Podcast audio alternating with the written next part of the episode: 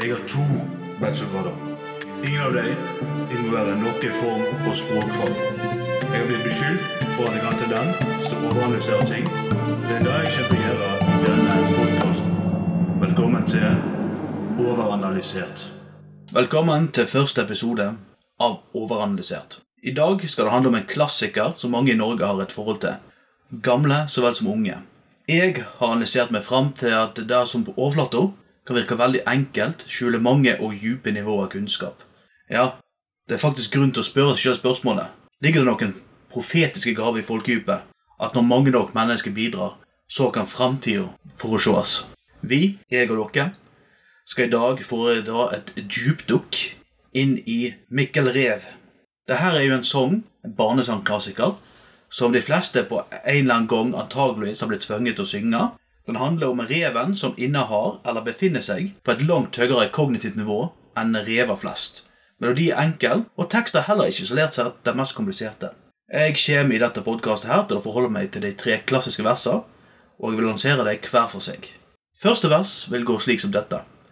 Mikkel rev, satt og skrev på ei lita tavle. Tavla sprakk, Mikkel skvatt oppi pappas flosshatt. Og her, Det første vi kan legge merke til her, og vi kan se det helt klart for oss, er at reven, som da sangen har fått navnet etter, innehar en kompetanse som kan sies å være sammenlignbar med det som man ville forvente av en førsteklassing for ca. 50 år siden. Eh, at de kan skrive på ei tavle. I dette verset da er det ikke nevnt eh, noe om eh, hvorvidt det som denne Mikkel skriver, er noe som gir mening, eller bare skribleriet. Eh, det kan være bare kludringer, sånn som førsteklassinger enkelte gjør. Men det kan òg være sammenhengende skriblerier. I senere vers av visen kan ting tyde på at enkelte abstrakte konsept er noe som Mikkel ikke er helt ukjente med. Uansett er det en ting som er verdt å legge merke til, at eh, unge herr Rev antageligvis enten så skriver han veldig hardt, eller så eh, må han sies å være i besittelse av ei tavle som eh, må være av en suboptimal kvalitet. Uansett hva grunnen er, så sprekker i hvert fall den tavla. Og eh, siden Mikkel skvetter, så må vi da anta at det ikke var en slags stille brist, omtrent, altså sammenlignbar med hvordan menn kan begynne å gråte, f.eks., men at det er noe som lager nok lyd til at denne reven da eh, skvetter til. Eh, det står ikke nevnt noe om Mikkel har noen form for mentale lidelser etter dette her skjedde, men man kan jo selvfølgelig ikke utelukke PTSD eller andre ting. Eh, det er jo en høy lyd, og han skvetter ganske voldsomt. Det som er viktig å legge merke til, er sammenhengen mellom versene 2 og 6. Mikkel skriver, noe som er ganske imponerende av en rev. Men så ser vi at det havner oppi pappa sin flosshatt. Vi kan ikke utelukke at det er en revefar det er snakk om, men det kan òg være et menneske som har tatt til seg Mikkel og lært han tingene. Altså Uansett så er det svært sannsynlig at denne faren, pappaen altså, er fra et høyere sosioøkonomisk sjikt. Det er nemlig ikke så vanlig å eie flosshatter blant folk lenger. Den versjonen som jeg tar for meg, da, med pappas flosshatt, eh, har senest blitt skrevet ned i 1941 ifølge Wikipedia. På den tida var det fremdeles vanlig å bruke hatt for mann, eh, selv om flosshatt ikke var så vanlige. Og eh, det må vel kunne påstås at flosshatt-tettheten var høyere blant godt bemidla menn. Og med dette i bakhovet så kan vi klart se at selv ei barneregler med ukjent forfatter kan fortelle noe om hva senere forskning på utdanning har funnet ut. Eh, og Det er noe som er forska av kjente forskere på, og det er noe som brukes i, dag, i den norske skolen i dag. Og det er nemlig da at barn fra høyere sosioøkonomiske sjikt gjør det bedre på skolen. Da vi lærer av den visa her at det gjelder visst tydeligvis uavhengig av art. Nå kan vi se helt fra Mikkel Rev er brukt i billedlig form, og at det er snakk om en antropomorf repetisjon av en rev. Eh, men uansett hva som er rett på art, forutsetter vi at selve skrivinga er konkret ting som blir gjort. I andre vers så eh, får vi en litt utdypning av skrivebeidet til Mikkel. Andre vers går sånn som dette. Mikkel Rev skrev et brev, sendte det til månen. Månen sa hipp hurra og sendte det til Afrika. Og Det vi ser her, er naturligvis den viljen barn har til å tro på det absurde. Og det, For dem så gir det fullstendig mening. Det absurde kan være sånn som julenissen, påskeharen, tannfeen, det gode i mennesket, eller at postvesenet har et postkontor på månen. Men for å finne ut hva som egentlig skjer i dette verset, blir vi nødt til å dele det i det konkrete og det som er mulig, da, og det som i dagens samfunn er helt umulig. Sistnevnte må da tolkes mer symbolsk. Så la oss dele, to, dele, dette i disse to kategoriene. I kategorien for det som er mulig og konkret, så vil jeg plassere selve brevskrivinga. Altså Vi forutsatte tidligere i podkasten at skrivinga skjer. Og Vers 1 ga vi så måte et frempek til vers 2. I vers 1 fikk vi vite at Mikkel kunne skrive, og i vers 2 ser vi at bruker denne ferdigheten til, nemlig å skrive et brev.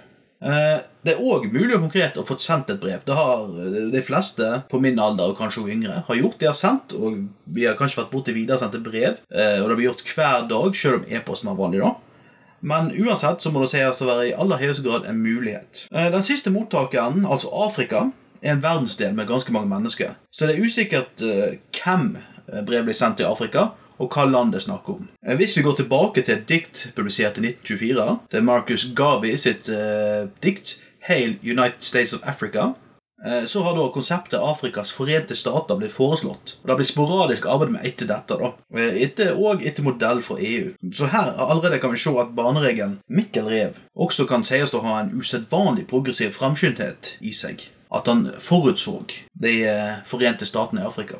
Videre da, så gjenstår det umulige. Denne måneden videresender brevet. Eh, si utgangspunktet meg bekjent, så er det ikke noen form for postvesen på månen. Dermed så vil det jo følge naturlig at det blir vanskelig å få mottatt, lest og videresendt et brev derfra. Vi må dermed anta at det som har skjedd, har blitt skjedd på en annen måte. I vers 3 fortelles det at Afrika svarer på brevet, så brevet har åpenbart blitt sendt videre til noen som kunne svare. Her vil det gi mening å se på den versjonen av regler som er produsert i boken Einklang i 1969. Der avsluttes nemlig andre vers på følgende måte. Månen sa ha-ha-ha og sendte det til Afrika. I denne versjonen av regler så ser vi at den som mottok brevet fra månen, reagerte med latter før brevet ble sendt videre. Eh, antageligvis ble brevet sendt videre helt tilfeldig. Vi er fremdeles ikke noe nærme på hvem som mottok det, men eh, hvis vi nå tenker på månen Månen er jo gulhvit. Symbolet for det norske postvesenet før 2008 var et gult posthorn med ei krone på. Eh, Det ble kalt for et kronet posthorn. Et symbol som ble innført i 1883. Det varte til 2008. Da skifta de logo. Ved siden av dette så finnes det ei lita øy som heter Månen i Landstøvatnet. Landstøvatnet ligger nær Skutvik i Nordland. Min personlige teori er at det som har skjedd, er at postvesenet har fått et brev adressert til månen. På den tida var postvesenet langt mer lokalkjente. Det visste at det ikke var så mange mulige mottakere på den øya. Det var nok antakeligvis derfor de lo òg. Altså ha-ha-ha. Og mitt forslag er at bare på pur jævelskap sendte jeg et brev til Afrika. Antakeligvis fordi jeg så for seg at det var så langt vekke som det var mulig å få det. Eh, på den tida der så var det nok antakeligvis da å komme seg til Afrika nesten like utenkelig, men ikke helt, da, som å komme seg til månen. Det jeg òg ser her, er at det er mulighet til at vi nok en gang er vitne til hvordan barneregler kan foregripe begivenhetsgang og si noe om framtida. Og I dette tilfellet forutså regler fenomenet med måneturisme. I 2019 så er det jo flere firmaer som arbeider med måneturisme, og enkelte ser for seg at det kan hende at vi får måneturister allerede i perioden mellom 2023 og 2043. Videre så er det da eh, det tredje verset vi snakker om. Det finnes flere versjoner da. To av versjonene går som følger. Afrika, Afrika ville ikke ha det. Afrika, Afrika sendte det tilbake med ei bløtkake. De tre versene jeg har utspunktet forholdt meg til, det er tatt fra ei nettside. Jeg sender en link i beskrivelsen. Eh, Men hvis du går på Wikipedia, så finner du at siste vers av samme visen er oppført som følger. Afrika, Afrika ville ikke ha det.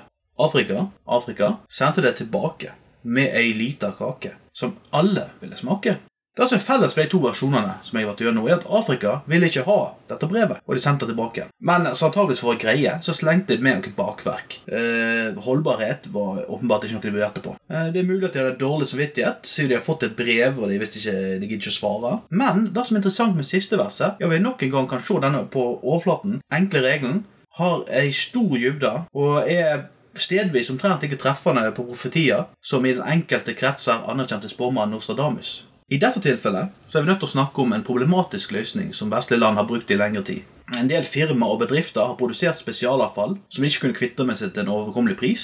Eh, Og i gamle dager, og i hvert fall på landsbygda, så ble ofte sånt avfall gravd ned eller dumpa på sjøen. Det var noe som privatpersoner gjorde, så vel som bedrifter. Eh, mantra er ute av øye, ute av sinn. Og Det er derfor vi ofte finner mye avfall skjult i Norge. Det fins eh, bygningsblokker som er bygd på gamle søppeldynger. Eh, det fins veier bygd på gamle søppeldynger. Mange av de lokale fjordene er fylt med noen form for miljøgifter og eh, annet skrap. Og I utgangspunktet så er jo da fair enough, du ser ikke dette greiene. Men problemet er jo at etter hvert som deler av avfallet blir brutt ned, så blir det sluppet ut miljøgifter og mikroplast. Og Dette førte da igjen til en oppblomstring av et marked for å bli kvitt spesialavfall på ulovlig vis. I 2007 og 2008 var det en del skriveri i Aftenposten, VG, Teknisk Ukeblad og andre aviser om denne bransjen. Jeg vil eh, legge linker i beskrivelsen her. Eh, men i utgangspunktet så handler det om at gamle kassebiler sånn som Hiace og lignende blir kjøpt opp av oppkjøpere. Eh, når vi snakker om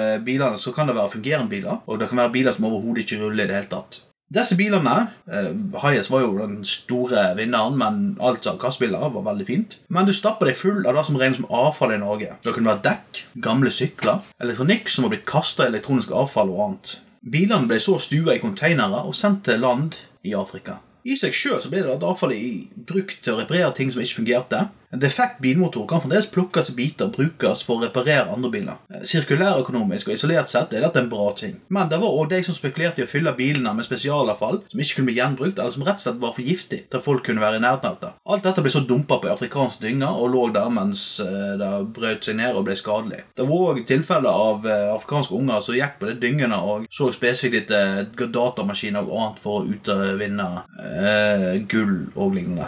I 2015 så var det fem østafrikanske land eh, Kenya, Rwanda, Tanzania, Burundi og Uganda som ikke lenger vil ta imot brukte klær fra Afrika, og da for Fretex. Per 2015 hadde tolv afrikanske land restriksjoner eller forbud mot import av bruktklær, blant annet, blant annet to av kontinentene sine største økonomier, Sør-Afrika og Nigeria. Og Da ser vi at det er akkurat sånn som i sangen Afrika, Afrika ville ikke ha det.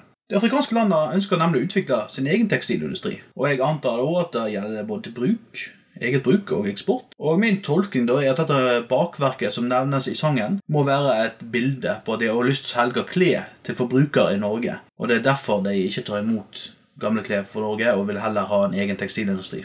Så der har vi selve tolkninga av eh, de tre versene i Mikkel Rev. Og for avslutningsvis så uh, tar vi et par fun facts. Det har nemlig blitt gjort et forskningsprosjekt i 1971 om lek blant barn i Oslo. Uh, det er heter Åse Enerstvedt som gjorde det. Eh, I dette prosjektet så viste hun til Mikkel Rev som er eksempel på hvor en barnesang, hvor barna har, og dette er anførselstegn, selv føyet et vers til og tar det alltid med når man ber dem synge. Sitat slutt. I 1980 er verset fremdeles en overraskelse for enkelte, som man kan lese i denne beretninga fra Altaposten. Det er ett vers til, sier han ivrig. Det er med en unge, da. Bestemor viser ham at det er bare ett i boka. Ordene står under notelinjene. Vi synger to vers i barnehagen. Ungen legger så videre vei om Mikkel Rev, som sendte brev til månen. Kanskje var det julenissen han ville skrive, og månen sendte Afrika. Det var dumt, for der er det så varmt, og sikkert ingen nisse med topplua.